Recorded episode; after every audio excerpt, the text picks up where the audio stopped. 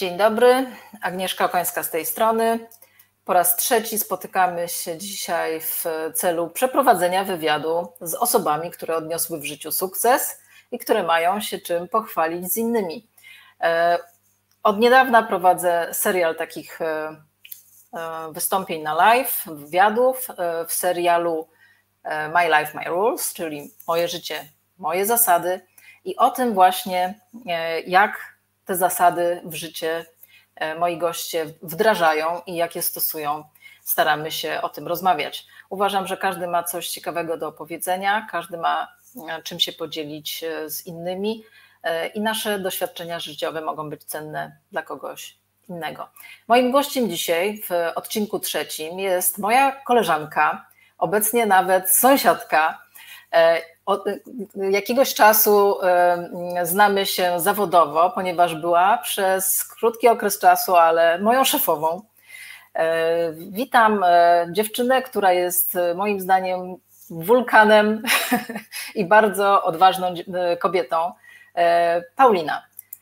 E, witam Cię serdecznie. E, nie będę za dużo mówiła na Twój temat, bo myślę, że najfajniej będzie, jak będziesz mogła przedstawić się naszym gościom e, samodzielnie. A w międzyczasie naszych gości obserwujących bardzo proszę, jeżeli moglibyście przywitać się z nami w komentarzach na czacie.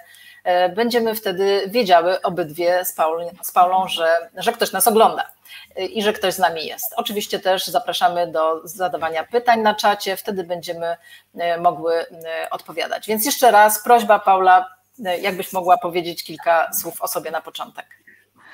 Dzień dobry, witam serdecznie. Bardzo miło Agnieszko i dziękuję Ci serdecznie za, za zaproszenie do dzisiejszego odcinka.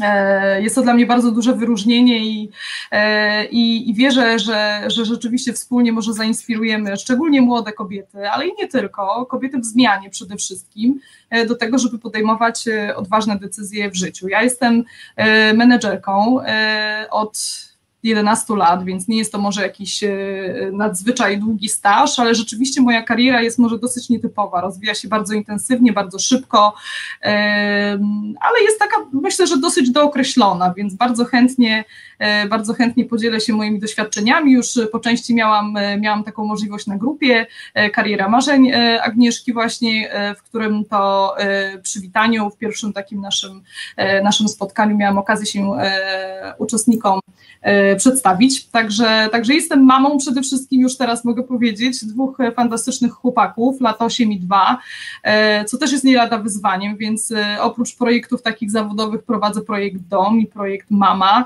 e, który jest dla mnie nie lada wyzwaniem i, i chyba największą szkołą życia i wiele tych doświadczeń domowych przekładam na moje życie zawodowe i na to, na to jak, jakich wyborów, jakich decyzji też dokonuję w mojej pracy.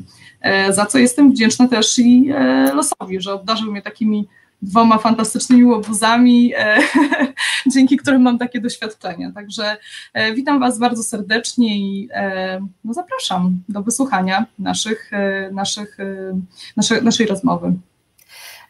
To jest bardzo ważne, co powiedziałaś, zanim przejdę do swojej listy pytań do Ciebie dzisiaj, bo wiele kobiet ma wielki wewnętrzny dylemat, czy, e, czy jest taka w ogóle możliwość, żeby pogodzić e, wychowywanie dzieci i robienie kariery zawodowej.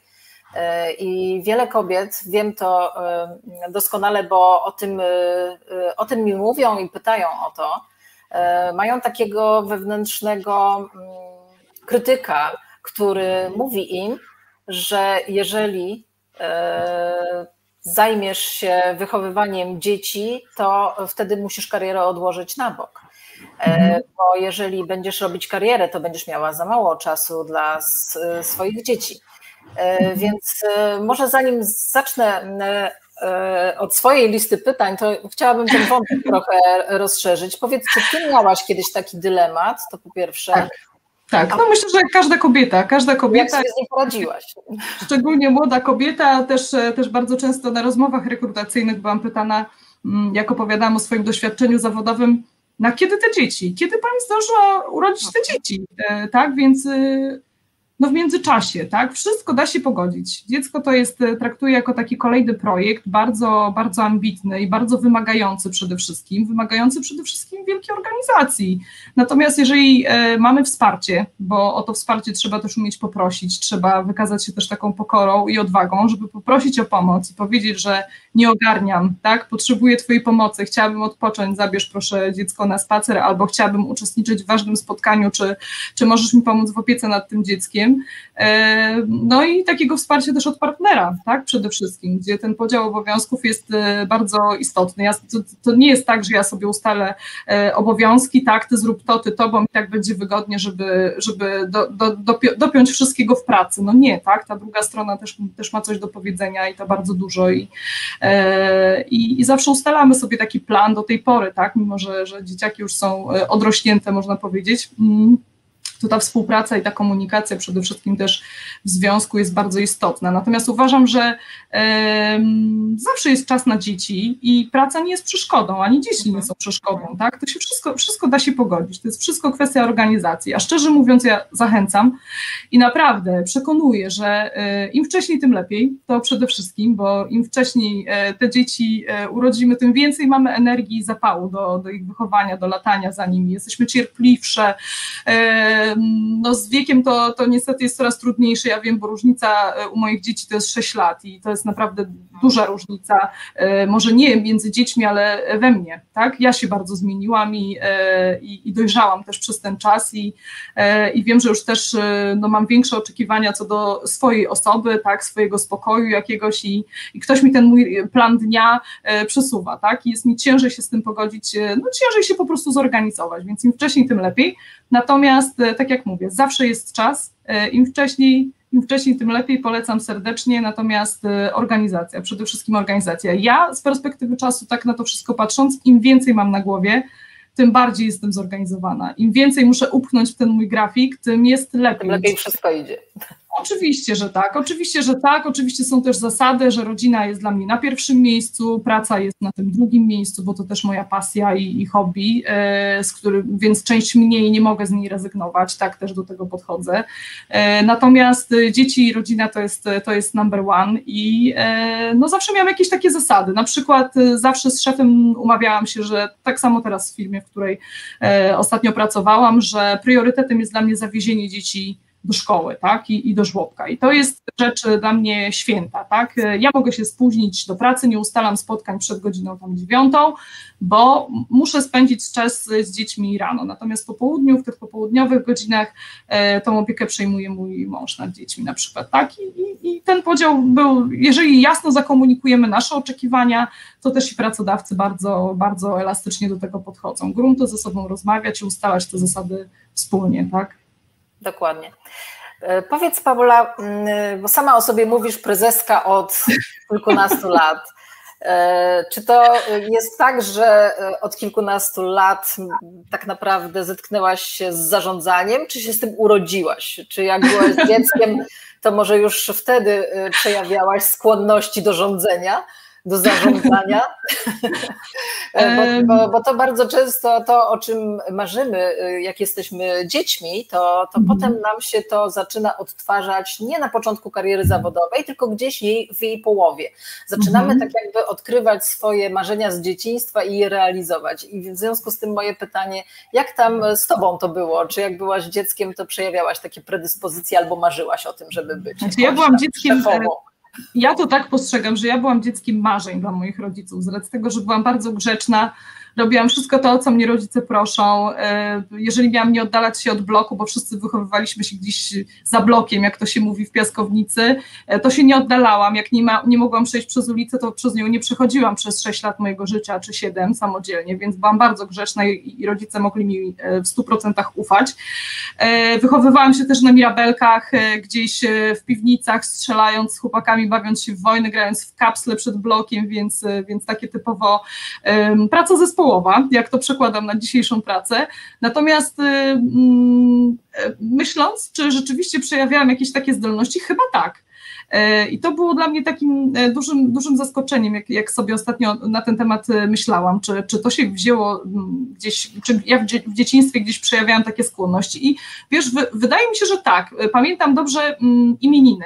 Zawsze e, podczas imienin schodziła się do naszego 45-metrowego e, mieszkania cała rodzina, więc wszyscy siedzieli w tym jednym dużym pokoju, rodzice oczywiście, tak, i dorośli, a dzieci siedziały w małym pokoju. My z siostrą miałyśmy jeden pokój, e, malutki, no i przychodziło czasami ośmioro, dziesięcioro dzieci do nas, tak. Trzeba było sobie zorganizować jakąś zabawę, więc no ja przypominam sobie takie sytuacje, że potrafiłam dwóch moich starszych braci zmusić do przebierania się w kostiumy kąpielowe, jakieś zakładanie śmiesznych stroi, tak, żebyśmy dla rodziców zorganizowali jakieś przedstawienie, tak, była zawsze jakaś część artystyczna imienin e, dla rodziców i wołaliśmy ich w przerwie, przed tortem i mówiliśmy, teraz będzie część artystyczna. I ja zawsze byłam takim liderem tych wszystkich mhm. zabaw i, e, i to ja wymyślałam te wszystkie zabawy, może dlatego, że może nie było to takie typowe zarządzanie, ale nigdy nikt nie powiedział mi nie i każdy chętnie się w te zabawy, e, w te zabawy, wiesz, e, ze mną, e, ze mną bawił, tak, więc no, takie, takie rzeczy, takie sceny sobie przypominam, tak. Mm, później też, później też pamiętam takie sytuacje, wiesz, związane z finansami, że, że na przykład próbowałam zorganizować sprzedaż marchewek z ogródka mojej mamy, albo E, sprzedaż kiełbasek z grilla mojego taty, tak, gdzieś, więc, więc gdzieś zawsze te jakieś, zawsze próbowałam zrobić Przedsiębiorczość była. Przedsiębiorczość była z tobą. Zdecydowanie byłam, wiesz, może kreatywna, bardziej w tym zakresie próbowałam zrobić z, z, czegoś zwykłego coś niezwykłego albo coś innego, e, ale chyba te czasy nas do tego zmuszały. Nie było internetu, nie było komputerów, były normalne zabawy, normalna komunikacja, taka, e, taka face to face z dzieciakami, inne zabawy po prostu i organizacja swojego czasu, więc musieliśmy być bardzo kreatywni, tak? I, e, no ale też te kompetencje zarządcze gdzieś tam, gdzieś tam na pewno się przejawiały. Pamiętam też takie, takie zdarzenia jak mini lista przebojów w szkole podstawowej. Ja we wszystkim bardzo chętnie uczestniczyłam i e, od razu organizowałam zespół, e, już nie pamiętam co my tam, chyba, chyba Whitney Houston miałyśmy tańczyć jakiś, jakiś, jakiś przebój, miałyśmy chyba, to była klasa 1-3, e, ale rzeczywiście organizowałam czas moim koleżankom i, i mówiłam, słuchajcie, dzisiaj o 17 robimy próbę w szkole, będziemy ćwiczyć takie i takie kroki, tu macie układ taneczny, tak, rozdzielałam role i tak dalej, więc więc pewnie tak, nie? Tak, także tak. No kojarzę, że rzeczywiście takie małe rzeczy, ale, ale gdzieś zobacz, z tak odległych czasów dla mnie pamiętam, rzeczywiście miały miejsce. A powiedz w takim razie to, co zdecydowało o Twoim kierunku studiów i co to były za studia? E, czy, czy, czy możesz się podzielić e, ty, tymi doświadczeniami? Bo też są tak. takie teorie, że 80% osób e, nie pracuje w zawodzie, który tak naprawdę jest kierunkiem studiów. Pytanie, czy to mhm. się u Ciebie sprawdziło, czy nie? Ja byłam, ja byłam taka, e, jak myślę, że jak, każdy, jak każda młoda osoba, byłam niedookreślona w szkole średniej i do końca nie wiedziałam, e, co bym chciała robić. To, to też było dla mnie przera przerażenie, bo oczywiście chodziliśmy jak, e, jak, jak wszystkie klasy do takiego doradztwa zawodowego, do, do powiatowego urzędu pracy, gdzieś tak, gdzie robiono nam takie testy kompetencji w ósmej klasie, tak, co, co my mamy robić w przyszłości, już na etapie wyboru szkoły średniej, a później kierunku studiów. I pamiętam, że z tych testów niewiele tam mi wychodziło i, i ja w sumie już jak ta decyzja się zbliżała, to byłam e, trochę przerażona, ale zawsze mogłam liczyć na moich rodziców, którzy byli dla mnie wielkim wsparciem i e, no są tacy książkowi, ale z tych takich nowoczesnych książek e, soft skillowych, tak? Oni zawsze wspierali mnie we wszystkich moich decyzjach. I jak mówiłam, mamo, kurczę, wiesz, ja ja nie wiem, co ja mam, co ja mam tak naprawdę zrobić, tak? E, co, co sprawi, że ja w życiu będę szczęśliwa, tak? Że, e, że będę zarabiać pieniądze też przede wszystkim, tak? Bo już myślałam o tym, żeby, że będę miała rodzinę i będę musiała zapewnić jej byt, będę chciała mieć mieszkanie, będę chciała podróżować, to co, z czego, tak? I moi rodzice zawsze mi mówili, słuchaj, idź za głosem serca i rób to, co, w czym ty się czujesz najlepiej. I na tamten czas w szkole średniej ja najlepiej czułam się w językach obcych i, e, i stwierdziłam, że to jest dla mnie e, ścieżka, którą chciałabym podążać. Już w szkole średniej e, moim, moim takim znajomym z, z klasy, jak, jak nie wiodło się w języku niemieckim, a z, zbliżało się jakieś, jakaś, teraz mówię kolokwium już, już ze studiów, ale jakaś klasówka, to organizowałam klucz do jakiejś sali, kaza, kazałam albo prosiłam, żeby zostali po godzinach i chętnie im tłumaczyłam ten materiał na tablicy, jak te zaimki, derdi, dasy tam się, tam się stosuje, tak, więc, y, uczyłam już tego niemieckiego, najpierw moją klasę, a potem jak miałam 17 lat, dostałam propozycję pracy w szkole językowej i uczyłam języka angielskiego metodą Kalana. Tym bardziej mi to utwierdziło w przekonaniu, że jak ja biegnę po tej maturze mojej ustnej, e, pisemnej z języka polskiego, e, pięciogodzinnej do pracy, tak, uczyć języka angielskiego, że to jest e, i dobrze mi w tym idzie i chcą mnie, nie zwolnili mnie po, po tam dwóch miesiącach pracy, 17-latkę uczącą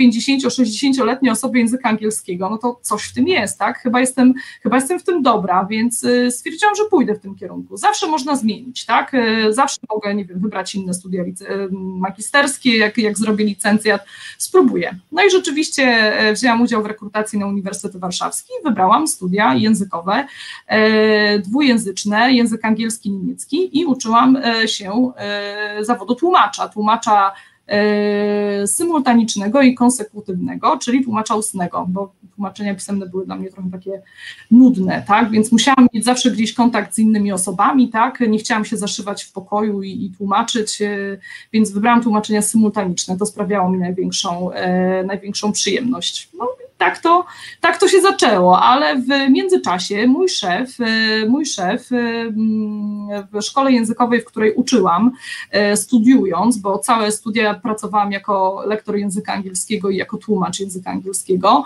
stwierdził, że wiesz, ty masz takie organizacyjne jakieś takie jakieś zdolności, wiesz, bo ja mam taki oddział do poprowadzenia, ja wtedy mieszkałam w Warszawie, bo studiowałam w Warszawie, mam taki oddział szkoły do poprowadzenia w twoim rejonie, na, na Kabatach. I czy ty byś tą, e, ten oddział szkoły mi poprowadziła. Tam jest jeszcze sklep, którym się trzeba zająć, materiałami edukacyjnymi, e, no i czy ty byś to poprowadziła, więc ja żadnych, żadnej pracy się nie boję i stwierdziłam, czemu nie, ale byłam na studiach dziennych i od 8 do 16 oczywiście e, studiowałam, więc, e, więc od tej 17 do 21 uczyłam e, i jeszcze dodatkowo miałam prowadzić ten, ten oddział, więc głównie robiłam to weekendami, ucząc jeszcze dodatkowo prowadziłam, prowadziłam oddział, oddział szkoły językowej. No i tak się to tak naprawdę, tak się to zaczęło. No. Multitasking cały czas, widzę się Ciebie trzyma. Tak, permanentnie, całe studia. To powiedz, jak trafiłaś już do takich twardych e, branż, jak energetyka, budownictwo, bo e, to takie mm, branże, które bardziej się kojarzą jednak e, z męską obsadą niż kobietami, więc powiedz, jak, jak mhm. trafiłaś do tych takich bardziej no, twardych, twardych branż. Wiesz, kontakt, kontakt z takimi branżami i możliwość poznania w ogóle branż e, miałam pracując w Young w Warszawie i za to jestem wdzięczna niesamowicie tej, e, tej firmie.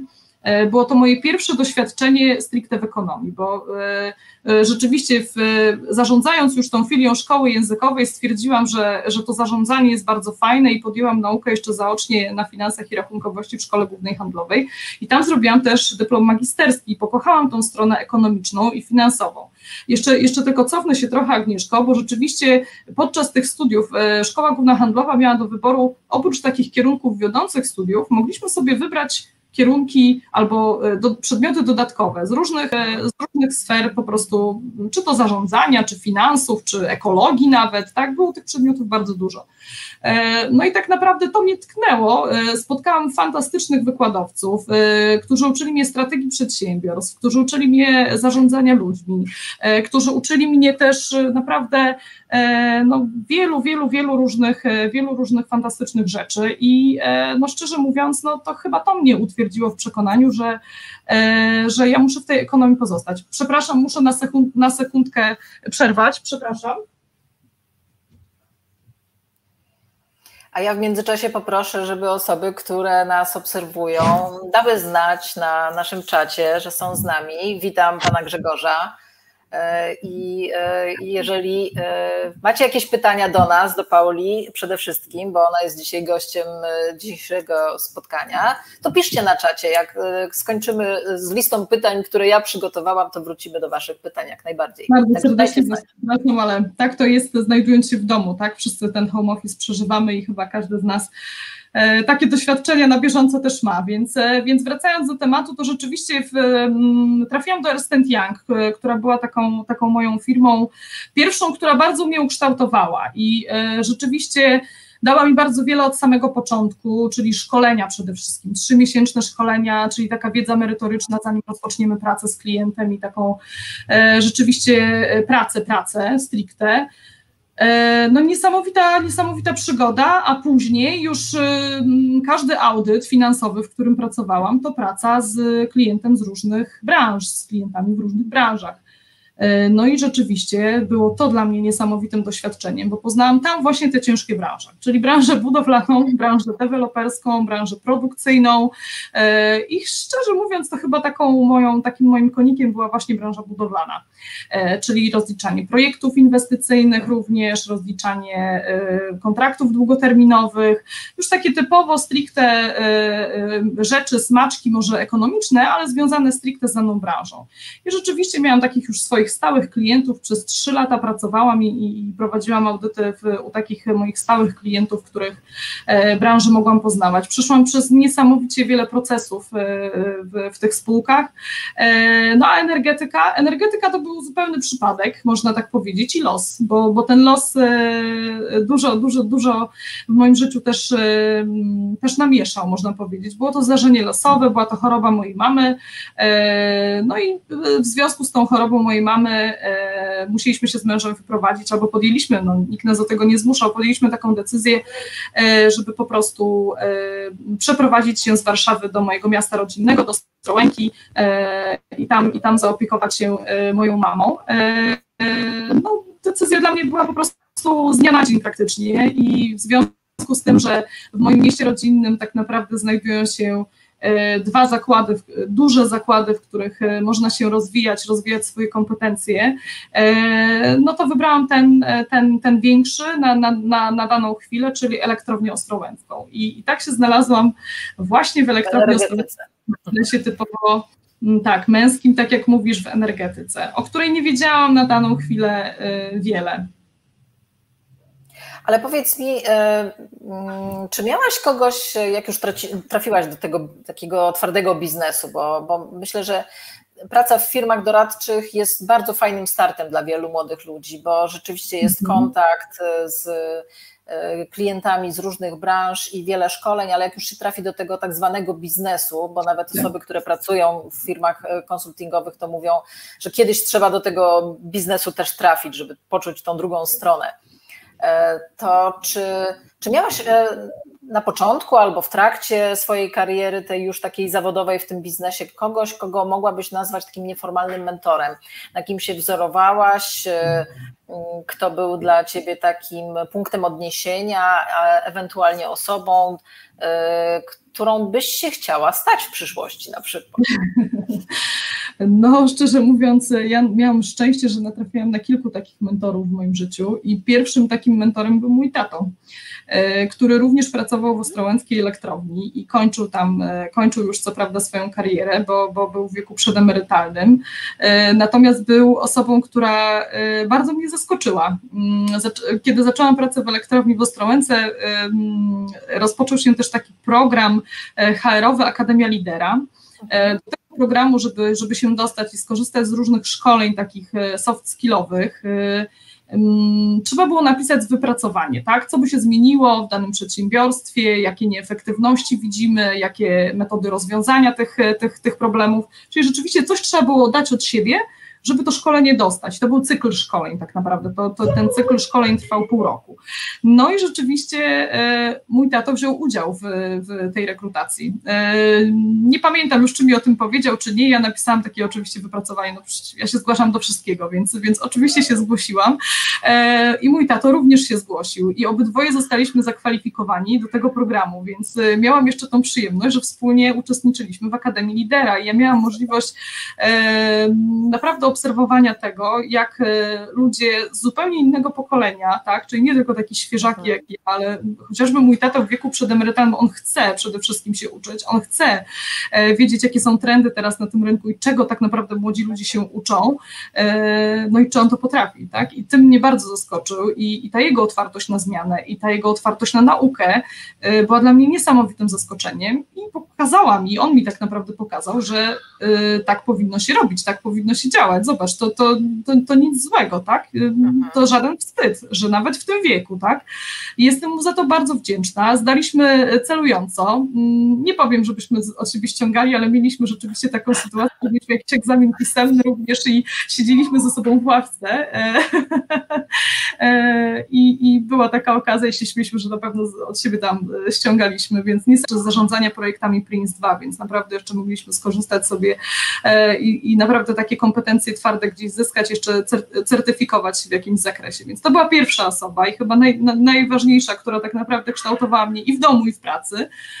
Natomiast y, drugą osobą to był, e, to był, jeden, to był pierwszy prezes właśnie, właśnie w elektrowni, na którego trafiłam, e, od którego bardzo wiele się nauczyłam, a później kolejno prezesi e, w, w z którymi pracowałam, bo pracowałam w trzech spółkach grupy Energa i od każdego bardzo dużo się nauczyłam, a od ostatniego chyba najwięcej, od pana Romana Piątkowskiego, którego serdecznie pozdrawiam, jeżeli, jeżeli nas będzie oglądał i słuchał. Przyłączam się do pozdrowień. tak, bo rzeczywiście jest takim moim mentorem, mogę powiedzieć. Nie wiem, czy o tym wie, ale rozmowy z nim e, i o biznesie, i o e, procesach, e, i jego spokój ducha też, który zachowywał w bardzo trudnych sytuacjach, w negocjacjach związkowych, w negocjacjach wynagrodzeń, w, nie wiem, spotkaniach z Radą Nadzorczą, w których wspólnie uczestniczyliśmy, z właścicielem, no coś niesamowitego, tak, był moją wielką, jest nadal moją wielką inspiracją.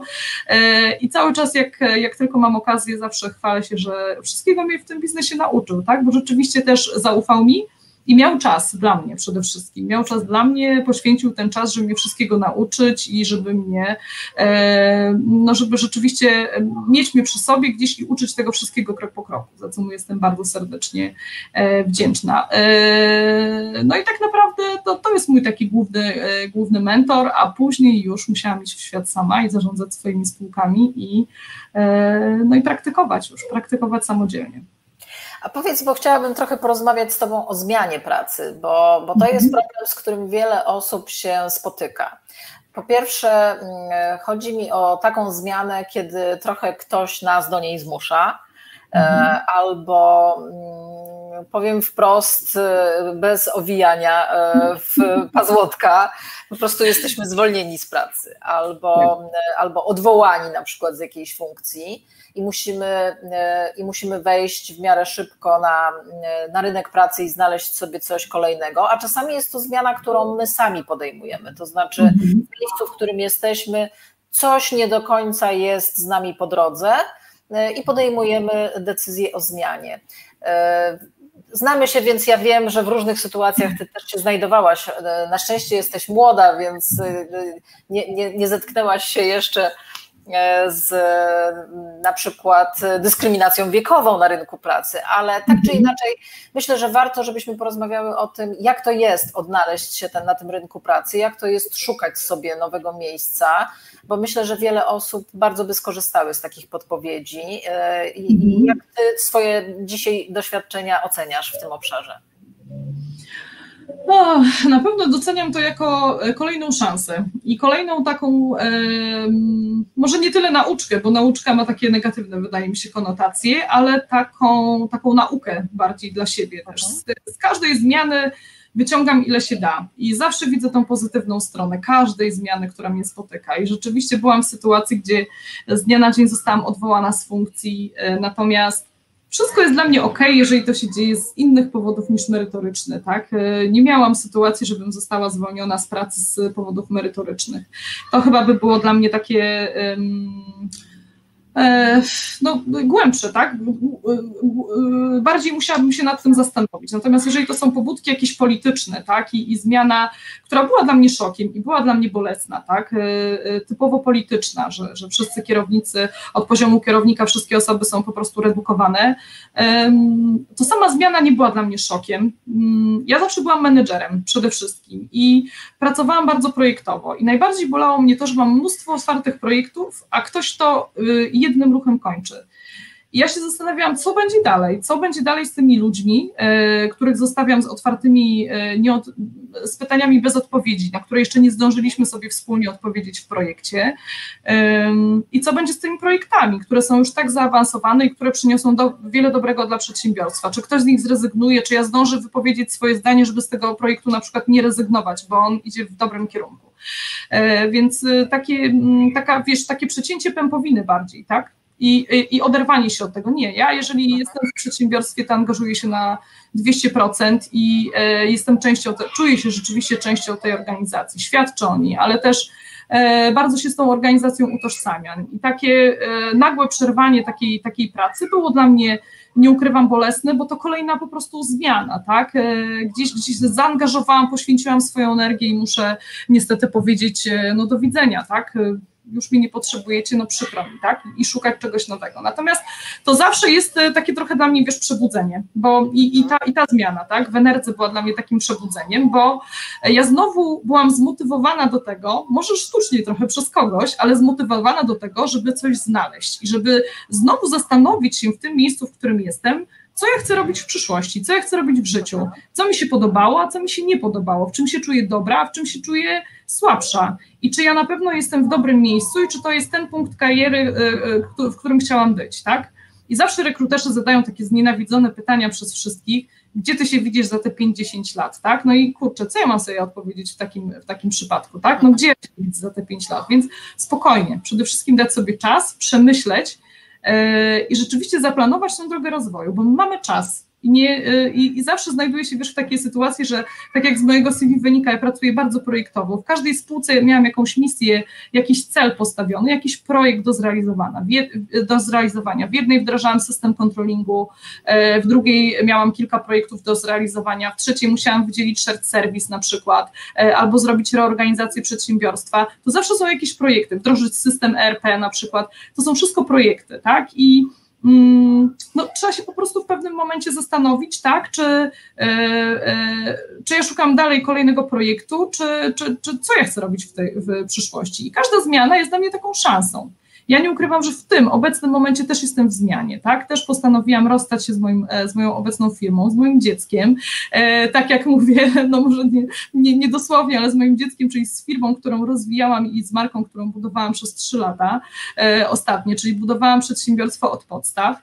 E, I to też jest dla mnie, też to traktuję jako kolejną szansę. No trzeba wziąć tą odwagę i, i, i mówię to wszystkim, e, którzy boją się tej zmiany e, trzeba pozbyć się tych wszystkich takich e, hamulców i powiedzieć sobie, nie wiesz, co cię czeka tak naprawdę. Jeżeli nie spróbujesz, to się nigdy nie dowiesz, tak? Spróbuj, przede wszystkim spróbuj.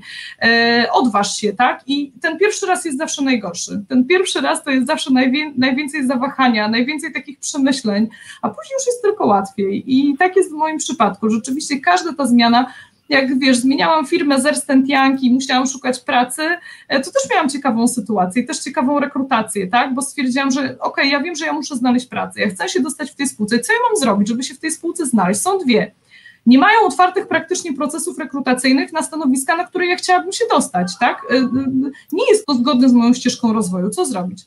Przede wszystkim dostać się do tej firmy, i porozmawiać z osobami e, e, e, odpowiad, odpowie, odpowiadającymi za rekrutację w danym przedsiębiorstwie. Tak? To był zawsze dla mnie cel nadrzędny. Wysłać tą aplikację, napisać taki spersonalizowany bardzo list motywacyjny, taką, takie spersonalizowane CV przede wszystkim, tak? I, no i spróbować się dostać i przekonać te osoby do tego, że mimo tego, że nie macie otwartego tego stanowiska dla mnie, to, a może to, na które wysłałam swoją aplikację nie jest odpowiednie dla mnie, to przemyślcie, czy nie potrzebujecie takich kompetencji, jakie ja Wam mogę zaoferować, tak? I powiem Wam szczerze, że nigdy się nie zawiodłam na żadnym przedsiębiorstwie w tym zakresie. Naprawdę. E, to jest niesamowite, bo e, taką rekrutację właśnie miałam w elektrowni Ostrołęka, gdzie rekrutowano mnie na stanowisko księgowej, gdzie mój mąż, jak chce mnie bardzo zdenerwować, to mówi do mnie księgowa.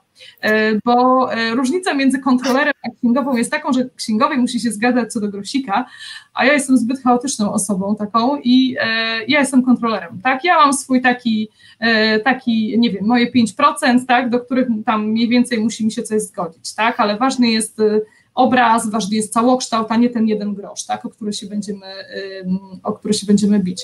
E, no i co? No i rzeczywiście trafiłam na bardzo mądrego człowieka przede wszystkim w, moim karierze, w mojej karierze zawodowej, w tej rekrutacji, który przeprowadził ze mną e, tą rekrutację. Zadawano mi pytania stricte księgowe, ale po tej rozmowie zaproszono mnie na zupełnie inny interview. I, I pan rekruter powiedział, ja panią serdecznie przepraszam, ale czy może poświęcić nam Pani jeszcze pół godziny czasu, bo chciałabym, żeby porozmawiała Pani z naszym dyrektorem personalnym.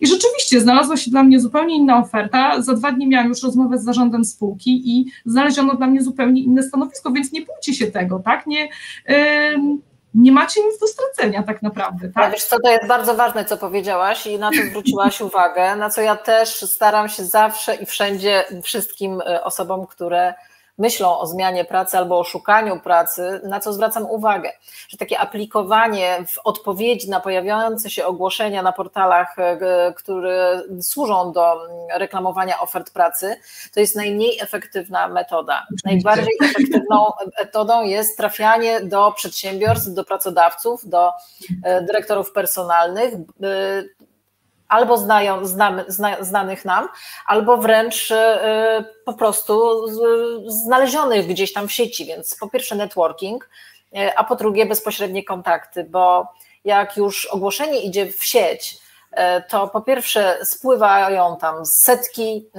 aplikacji, tak. rekruter, jeżeli to jest jeszcze rekrutacja robiona przez pracodawcę, to jest jeszcze większa szansa, że ktoś tu dokładnie przejdzie, ale jeżeli mam nadzieję, że żaden z rekruterów się na mnie nie obrazi, że tak to powiem, ale taka jest prawda. Jeżeli są setki, to rekruterzy dopasowują co najbardziej meczuje się z tym, czego klient, czyli firma szukająca pracownika na tej liście oczekiwań wpisał. A my nie zawsze musimy spełniać e, te 100%. E, my musimy po prostu dobrze się zareklamować, dobrze się sprzedać, być produktem i specjalistą do spraw marketingu, który jednocześnie ten produkt reklamuje. E, więc bardzo się cieszę, że to potwierdzasz, bo, bo też e, e, no, no, zawsze tak uważam, że że skuteczna rekrutacja to taka, gdzie my bierzemy e, sprawę we własne ręce i po prostu szukamy dla siebie, jesteśmy dla siebie menadżerem kariery i szukamy dla siebie miejsca. To też ważne, Agnieszko, że w dzisiejszych czasach e, no mamy już ten internet, tak? I nie szuka się e, pracy tak jak kiedyś, kupując gazetę wyborczą, chyba w czwartki czy we wtorki. Z dodatkiem praca. Z dodatkiem praca i obdzwania numery albo wysyła już na jakiegoś maila, który tam się pojawiał swoje CV, bo takie pamiętam początki, jak szukałam pracy jako lektor języka angielskiego.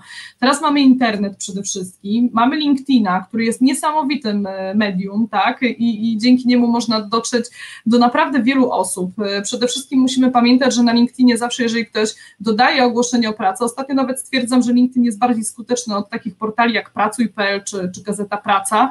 E, my widzimy, kto to ogłoszenie dodał. Widzimy jakiś namiar na rekrutera, który jest osobą, więc trafiamy bezpośrednio do tej osoby. No i co nam stoi na przeszkodzie, jak napisać wiadomość prywatną do takiej osoby, i powiedzieć, że startuję w tej rekrutacji, wysyłam do Państwa swoje CV, ale chciałabym jeszcze dodać coś od siebie. Bardzo poproszę o kontakt osobisty, tak? Nigdy się nie zawiodłam, tak? Ludzie naprawdę są chętni do rozmowy i są otwarci na ludzi e, takich asertywnych też i takich rzeczywiście. Y, mających coś do zaoferowania, a nie y, potwierdzających, że wysyłam tak naprawdę, jak, jak rekruter do mnie dzwoni, to mówię, a Pani, przepraszam, z jakiej firmy, bo wysyłałam 15 CV i nie pamiętam, y, czy to Państwo wysyłałam, albo na jakie stanowisko. No nie, tak, rzeczywiście, e, rzeczywiście jest to bardzo pomocne i, i ludzie bardzo to doceniają po tej drugiej stronie, tak. Rekruter to też... E, no, też to człowiek. Też, też człowiek, zdecydowanie, natomiast rekruterzy są różni, tak jak powiedziałaś, tak? Są tacy, e, szczególnie w takich większych korporacjach rekruterskich już można powiedzieć, że, że po prostu on ma napisane, tak, jakie te kompetencje mają być, jakich nie ma. No i tak się cieszę, Agnieszko, jak trafiamy na rekrutera osobę, ale najgorsze jest to, jak aplikujesz i dostajesz odpowiedź z portalu, które ci e, zero-jedynkowo stwierdza, że jakiejś kompetencji nie miałaś, więc w związku z tym twój profil nie pasuje tak? I nawet ten ktoś nie poświęcił tych pięciu minut, żeby z tobą porozmawiać i, i zapytać cię dlaczego. w moim przypadku, na przykład aplikując na różne stanowiska, mm, ktoś może powiedzieć: Jezu, przecież byłaś już prezesem zarządu, byłaś prezesem własnej, własnego przedsiębiorstwa. Mamy, to, co mamy do zaproponowania, czyli na przykład, nie wiem, jakiś tam CFO w, w międzynarodowej organizacji, to jest dla ciebie za nisko. No ale dlaczego za nisko? Dlaczego decydujesz za mnie? To ja wiem i jakie mam, jaką miałam motywację do tego, żeby zainteresować się twoim przedsiębiorstwem i aplikować na daną ofertę, więc poświęć mi te pięć minut. Ale wiesz co, dotykasz kolejnego ważnego tematu i myślę, że ta, mogłybyśmy tak jeszcze przez dwie godziny pewnie, ale, tak. ale, ale rzeczywiście no w, myślę, że to się powoli zmienia, ale w świecie rekruterów e, no też jest jeszcze trochę do zrobienia, bo po pierwsze bardzo rzadko trafia się feedback jakikolwiek. Bardzo tak, tak. często tak. nawet po rozmowie pierwszej, jakiejś wstępnej, rekrutacyjnej, ja już nie mówię po wysłaniu aplikacji, bo po mhm. samym wysłaniu aplikacji to można zapomnieć, że jakiś feedback będzie. Ale nawet ciężko jest o feedback po pierwszych rozmowach rekrutacyjnych i nawet jak o ten feedback zapytasz aktywnie, to często się otrzymuje informację, że klient, czyli pracodawca poszukujący kandydata, nie przekazał firmie rekrutacyjnej, jaki jest feedback, w związku z tym ta firma też nie może przekazać. E, I to, i to, jest, i to jest moim zdaniem największa przeszkoda dzisiaj na rynku rekrutacyjnym, żeby ten e, e, kandydat, osoba szukająca pracy, mogła skutecznie pokierować dalej procesem y, poszukiwania, bo jeżeli nie wiesz, z jakiego powodu zostajesz odrzucona, czy brakuje ci kompetencji y, miękkich, tak. twardych, czy źle się zaprezentowałaś, czy twoje CV nie było wystarczająco spersonalizowane pod to konkretne stanowisko, to trudno jest się poprawić w kolejnych procesach, więc myślę, że y, no, ten feedback jest czymś takim bardzo pożądanym, to po pierwsze, a po drugie, jeżeli mówimy o e, przekwalifikowaniu, albo właśnie mhm. o zbyt wysokich kompetencjach, albo o zbyt dużym doświadczeniu na pewne stanowiska, to jest drugi bardzo ważny temat, bo jeżeli ty szukasz pracy, i, e, i uważasz, że ona jest dla ciebie odpowiednia, a to rekruter dla ciebie mówi, że ona dla ciebie nie jest odpowiednia, no to gdzieś tutaj jest jakiś dysonans, chociaż czasami mają rację, moim zdaniem. Tak, e, tak. Bo może być tak, że my jesteśmy w pewnym momencie zdesperowani i szukamy czegokolwiek i wzięlibyśmy cokolwiek, ale za pół roku będziemy znudzeni tą pracą i rekruter to przewiduje jakby wcześniej i ci o tym mówi, więc może coś tam prawdy w tym jest. Ale tak, moim tak, zdaniem jednak trochę podejmują za nas decyzje i, mhm. i rzeczywiście jak już ktoś wysoko gdzieś był pozycjonowany w firmach i nagle startuje zupełnie mm, na surowo na rynku pracy, e, to ma niezwykle trudno. A trzecim problemem, który ja z doświadczenia znam, nie wiem czy to potwierdzasz, jest wielkie mm, e, e, segmentowanie branż, to znaczy są silosy. Jeżeli w jakiejś branży zbyt dużo czasu spędzamy, e, to, to później jest nam trudno znaleźć pracę w innej branży, bo każdy rekruter mówi, no tak, na przykład CFO. CFO bardzo podobną robotę robi w każdej branży. No mhm. tak, ale to nie chodzi o to, że my szukamy CFO, my bardziej szukamy know-how, jak to robi konkurencja. No i tu się zaczyna problem, tak? No bo, bo, bo, bo, są te silosy i, i wszyscy się jakby kręcą w ramach tej, tej, tej branży. Ale myślę, że to dosyć ważny i, i ciekawy temat, bo wiele osób pewnie po pandemii może mieć problem z szukaniem pracy i myślę, że dzisiejsze właśnie możliwości, jakie daje chociażby portal LinkedIn, LinkedIn, e, to, to jest duża pomoc e, w tym, jak można rozszerzać networking i jak można tej pracy e, szukać. Jeszcze chciałam na, na... Agnieszko, Agnieszko jeszcze, jeszcze przerwę, zahaczyłaś o ten, o ten rynek, który na dzień dzisiejszy mamy, tak? No zdecydowanie ten rynek, który mamy jest inny niż był trzy lata temu, niż był nawet przed COVID-em.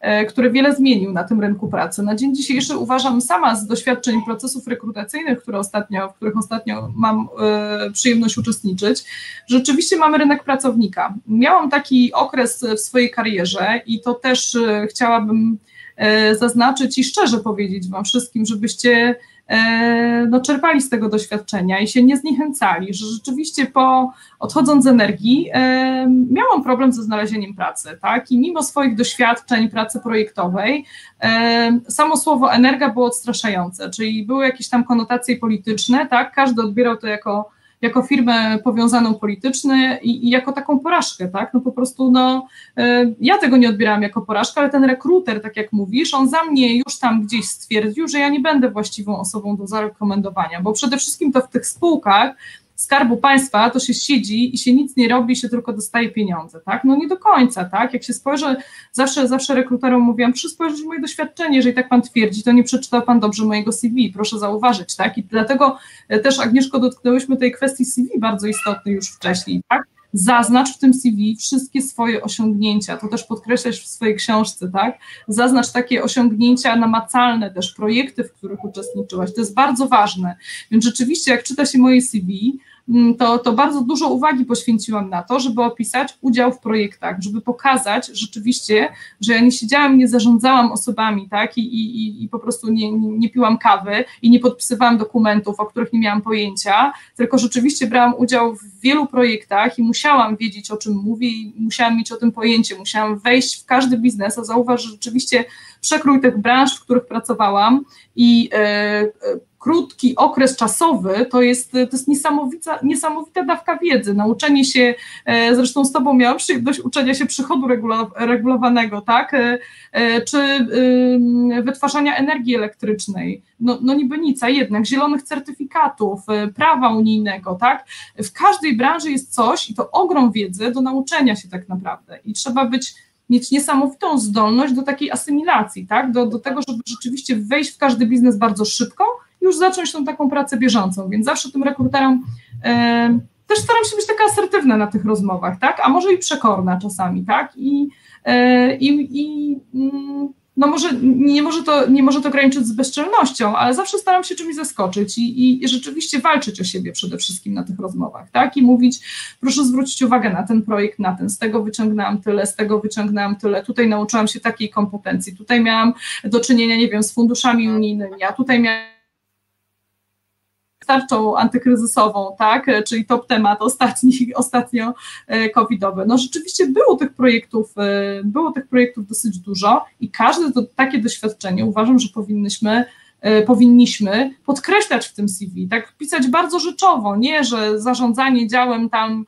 zakupów, czy zarządzanie działem kontrolingu i finansów, ale co konkretnie robiliście? Jakie miałeś wyzwania na swojej drodze? Jakie miałeś wyzwania na swojej drodze? Co sprawiło Ci największą trudność? W sumie, żeby od razu odpowiedzieć na pytania, które zadadzą Ci na tej rozmowie rekrutacyjnej, tak? No bo czasami ten rekruter naprawdę nie ma na to czasu, ma, tak jak mówisz, setki CV do przejrzenia, ułatwmy mu tą pracę, zaciekawmy go czymś, nie piszmy sztampowych CV. Tak jak już mówiłam wcześniej, moje każde CV jest spersonalizowane pod danego klienta, tak? Ja je nawet tytułuję nazwą firmy, do której aplikuję mm, i rzeczywiście bardzo wnikliwie czytam ogłoszenie, tak? Mhm. Jeżeli aplikuję już na jakieś takie, e, na jakąś pracę z ogłoszenia, to zdecydowanie chcę, żeby mój profil odpowiadał. Jeżeli nie odpowiada, to też zaznaczam, w którym punkcie ten mój profil nie odpowiada i co ja mogę zaoferować od siebie, żeby tak jakby nadrobić, tak? Czyli jeżeli nie mam jakiegoś na przykład wymaganego certyfikatu, CIMA, ACCA w naszej branży, czegokolwiek innego, mogę od razu zaznaczyć, jestem otwarta i mogę zacząć w każdej chwili proces certyfikacji. Zrobię Dokładnie. to z wielką przyjemnością. I to jest duży plus, tak? I bardzo dobrze postrzegane. Jeszcze żaden klient mi wtedy nie powiedział, że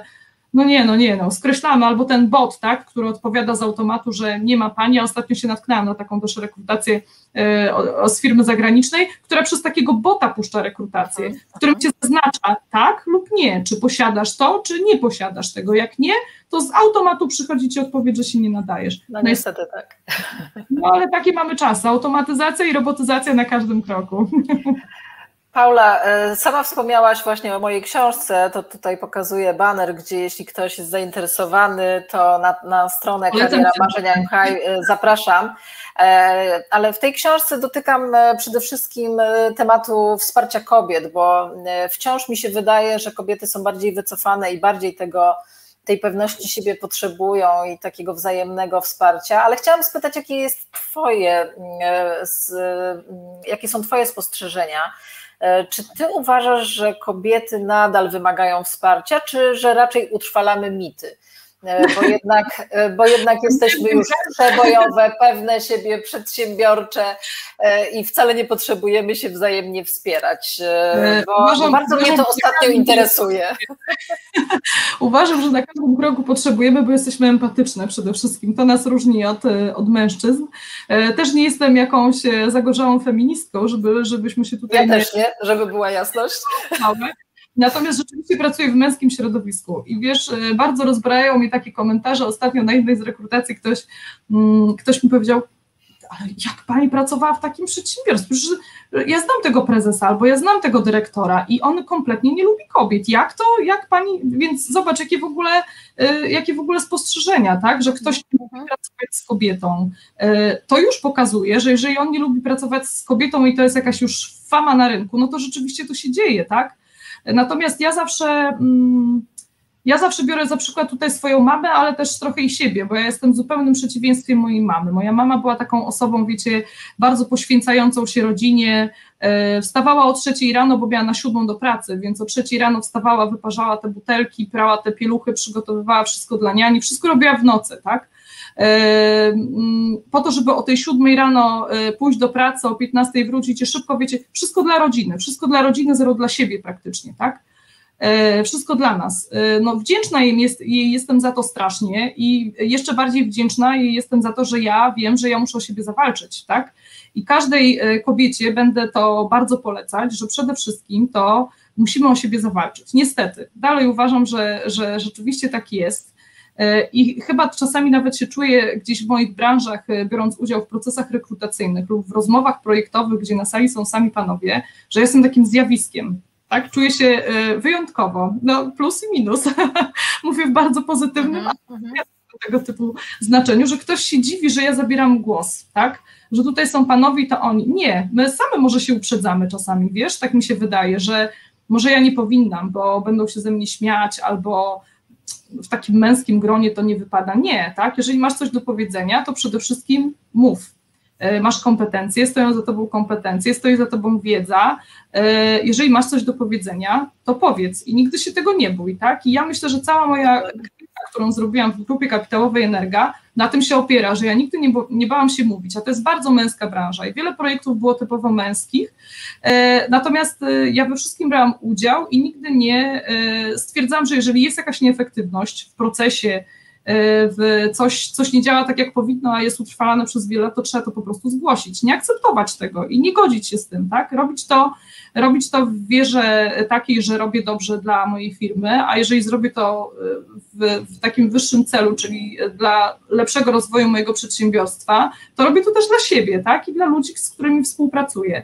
E, więc przede wszystkim to, to tak, no staram się wspierać te kobiety na każdym kroku. Ja też pracuję w działach finansowych bardzo często, zarządzam kobietami głównie, tak, w tych działach finansowych i tak jak e, trafiłam na Ciebie, czyli taką bardzo silną i um, dookreśloną osobowość, to trafiam też często na przykład na terenach wiejskich, na terenach gdzieś poza, gdzie te serwisy są zlokalizowane poza dużymi centrami, e, na osoby, które też od 25 lat pracują i boją się tej zmiany i boją się podejmować odważnych decyzji.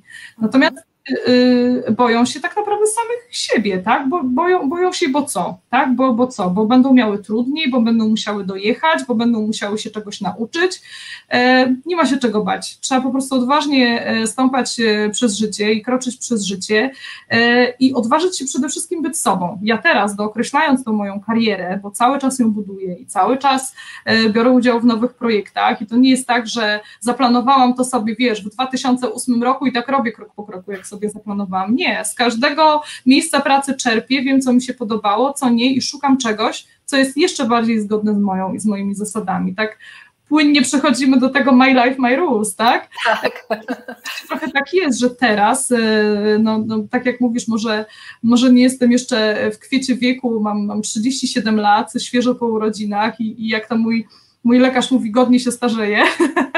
E, bardzo ostatnio miałam taką sytuację, e, że, że, że, że, Zmienię lekarza. Że godnie, że godnie się starzeje.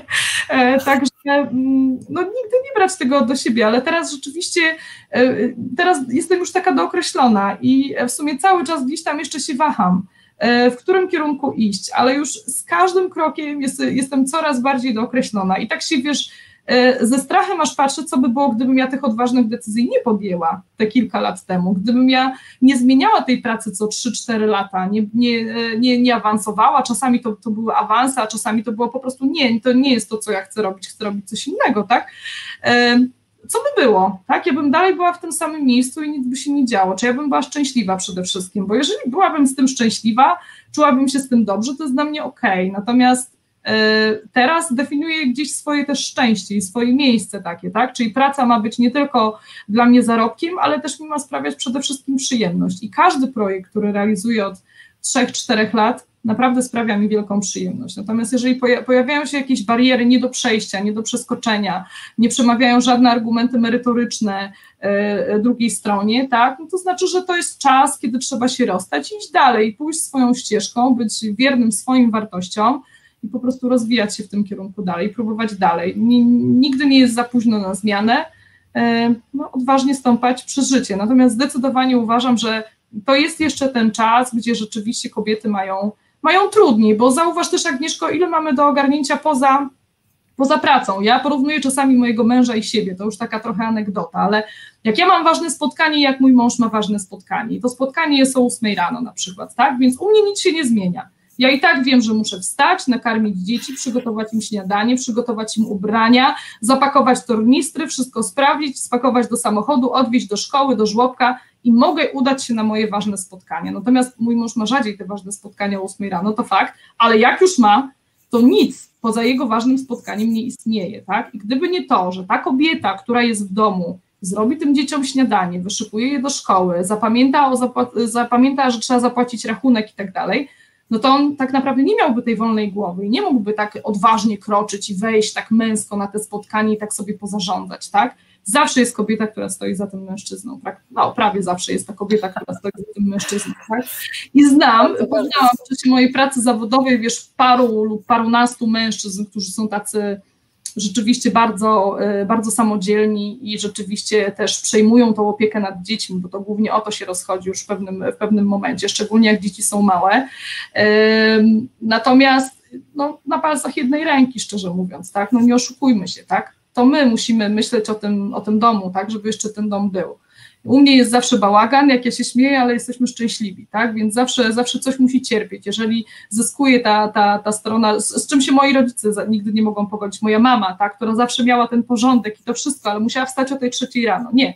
Ja wiem, że jak będę niewyspana, że jak będę yy, zmęczona, to będę się wyżywać po prostu, tak? Na czymś się to odbija, albo na moich dzieciach, albo na moich pracownikach, na co nie mogę sobie pozwolić, więc walczę też o siebie, o swój spokój, o swój wypoczynek, o, o swoją radość życia, o swoje przyjemności, o swój trening, który od czasu do czasu uda mi się gdzieś tam zrobić, tak? O morsowanie, o to, żeby rzeczywiście gdzieś No właśnie, to poczekaj, że Ci przerwę, bo idealnie nawiązałaś do pytania jednego z obserwujących nas, pana Grzegorza, jak radzi sobie Pani e, z pogodzeniem pasji, hobby z tak aktywnym życiem zawodowym, więc jak sobie sobie pani radzi, pani Paulo? Mam bardzo aktywne e, przyjaciółki, e, tutaj, tutaj mieszkające bardzo blisko mnie, również moje sąsiadki. Rzeczywiście e, no, staram się być aktywna, staram się być aktywna też, zażywać ruchu, tak? I, i całą zimę Latem mniej, bo są gofry, lody. Jak Agnieszko, myślę, że dobrze znasz ten, ten temat, bo mieszkamy nad morzem i to w dzielnicy typowo nadmorskiej, turystycznej, więc e, jestem z dwójką dzieci, które są, mają wakacje i są żądne wręcz gofrów, lodów na każdym kroku pięć razy dziennie, więc jest bardzo trudno mi to, to, to, tą aktywność fizyczną gdzieś, gdzieś zachować w tym okresie. Natomiast ja bardzo lubię to porą jesienną i zimową, gdzie, gdzie rzeczywiście ci turyści wybywają. E, no i nie ukrywam, że rzeczywiście zaczęłam e, biegać i zaczęłam morsować, czyli, czyli, czyli wybiegamy tutaj od nas spod bloku, biegniemy nad morze, tam skakujemy do morza i dalej robimy. Tak, jakieś... pamiętam to zdjęcie, tak, ty pod, pod pod molo w Brzeźnie i minus 20 stopni na zewnątrz, tak? Pamiętam. E, wiesz, ja zawsze mówię, że, że łatwiej jest zacząć taką zimą, jak, e, jak ma się takiego lidera i tutaj moja koleżanka, która biega maratony jest takim moim liderem i która do tej, do tej aktywności mi bardzo zachęca i motywuje i zawsze mówi, już czekam pod blokiem, wychodź, tak? Więc ja mam tym bardziej motywację, że ktoś na mnie czeka, ktoś na mnie liczy przede wszystkim, czyli taki bodziec psychiczny, tak? Też, też w tym uczestniczy, że ja wtedy wychodzę po prostu prostu rzucam wszystko, e, daję dzieciom buziaka na dobranoc i robiłyśmy to w niedzielę o 21. To też taka była godzina, gdzie nie było żadnych wymówek. Jest 21, jest niedziela i, i to był fantastyczny sposób, żeby zresetować swój, swój umysł. I rzeczywiście, tak jak mówię, da się to zaplanować. Albo wstawałam o 5 rano, i do 6 rano robiłam sobie trening po prostu jakiś, nie wiem, na macie, nawet y, przed telewizorem w domu, kiedy dzieci spały, mąż spał i później e, brałam prysznic, szłam do pracy i to niesamowicie nastraja mnie na cały mój dzień, tak, i rzeczywiście daje takiego dużego powera do pracy. Albo robię to w niedzielę o 21, w jakichś nieludzkich porach i godzinach, kiedy każdy tam już przy minus 20 stopniach z kieliszeczkiem wina sobie pod kocykiem leży przy dobrym Netflixowym serialu pewnie. No, tak jak mówię, to jest kwestia organizacji, znalezienia sobie swojej, swojej pasji, natomiast my z mężem sobie to, to dzielimy, mój mąż ma treningi w takie dni tygodnia, więc ja też zaznaczam w kalendarzu, że to jest ta godzina dla mnie, albo to jest ta godzina dla mnie i na pewno, e, na pewno ten czas spędzę w ten sposób, w jaki ja chcę przede wszystkim, tak, czy to będzie godzina leżenia w wannie, czy to będzie godzina leżenia w zimnym Bałtyku przy minus 20 stopniach, e, to rzeczywiście ważne jest bardzo, żeby ten czas dla siebie, żeby ten czas dla siebie znaleźć, nawet na spacer nad morzem po prostu, nawet na spacer po parku, ale gdziekolwiek, żeby ten umysł po prostu zresetować, nie tylko od takich kwestii merytorycznych, od pracy, ale też i od domu, tak, od tego, co, y, bo to też jest ciężka praca, to jest drugi etap tak naprawdę, tak, gdzieś psychicznie y, też, y, też, też, też bardzo męczy czasami, więc żeby ten uśmiech na twarzy zachowywać przez całą dobę, trzeba robić coś dla siebie przede wszystkim też. I świetna puenta, słuchaj, musimy kończyć, bo zagadałyśmy wszystkich. Jest e, godzina za nami. Bardzo Ci serdecznie dziękuję, że znalazłaś czas dla nas. E, słuchajcie, Państwo, właśnie takich członków mamy w grupie Kariera Marzeń na Facebooku, do której bardzo serdecznie wszystkich zapraszam. E, takich spotkań zamkniętych, otwartych mamy dużo. Takie osoby, które ciekawie potrafią mówić o sobie i o swoich E, doświadczeniach zawodowych też mamy więcej, więc e, można się dzielić e, swoimi, swoimi spostrzeżeniami i, i, uzyskać też pomoc, bo, bo też tak działamy, że wzajemnie się wspieramy i, i pomagamy sobie. Także serdecznie Ci jeszcze raz dziękuję. Myślę, że jesteś naprawdę wzorcowym dowodem na to, że moje życie to moje zasady. I e, do zobaczenia na następnym odcinku. Bardzo wszystkim serdecznie dziękuję za udział i do zobaczenia. Dziękuję Ci bardzo, Agnieszko, za zaproszenie. Dziękuję i życzę wszystkim. osobistego też na Facebooku. Wszystkiego dobrego. Do zobaczenia. Wszystkiego dobrego. Do zobaczenia.